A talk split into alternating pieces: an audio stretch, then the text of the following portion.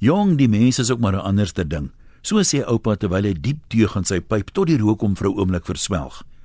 Oupa glo onwrikbaar, rook is eintlik goed vir hom.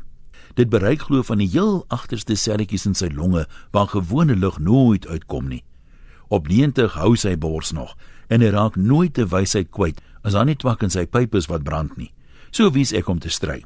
Ek is op pad Frankryk toe vir vakansie en oupa adviseer my dat ek daar met Afrikaans baie verder sal kom as met Engels. Die Franse haat blykbaar die Engelse al sedert die 100-jarige oorlog, 1000 jaar gelede. Toe ek vra of dit dan nie tyd is om te vergewe en te vergeet nie, sê oupa, as 'n mens van geskiedenis praat, is 'n 1000 jaar soos 'n dag.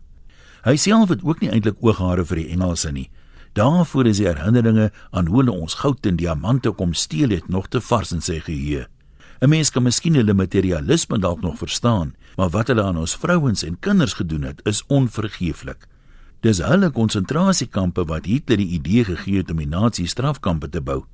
Weet jy my kind, die ergste is dat die Engelse nooit eers verskoning gevra het nie, wat nog te sê gestraf is. Hoe kan jy 'n nasie respekteer wat sulke goed doen?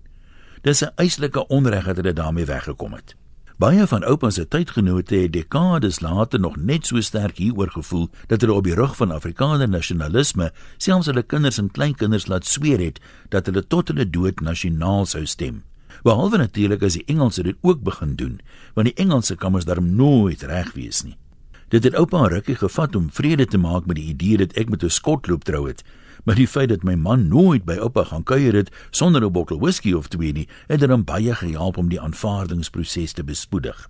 Die Engelse is seker nooit gestraf nie en ek ken die geskiedenis nie goed genoeg om te weet of die Duitsers ooit gestraf is vir hulle wandade nie, behalwe miskien 'n paar enkelinge. Oupa sê ek, daar's nou die dag iets op die draadloos gesê wat dalk op die Engelse van toepassing kan wees. Hulle het ons nou kom verdruk in ons eie land en ons moes maar gedwee die besluite aanvaar wat die Engelse geneem het toe hulle oor ons regeer het. Toe sê iemand op die draadloos, is dit nie bietjie soos 'n boelie wat jou fiets afvat nie. Die boelie word nooit gestraf nie en jare later bring hy die fiets terug, maar hy gee dit nie vir jou terug nie. Nee, hy sê nou kan jy die fiets deel en jy moet dankbaar wees daarvoor. Hoe klink dit vir oupa? Ja, wel, dit klink vir my min of meer reg, my kind. Maar wat ek jou moet sê, is hoe ouer ek word, hoe meer besef ek ons opdrag in die skrif is om ons naaste lief te hê. Al stem jy nie met die blikskottel saam nie. Groete van oor tot oor. Antoniem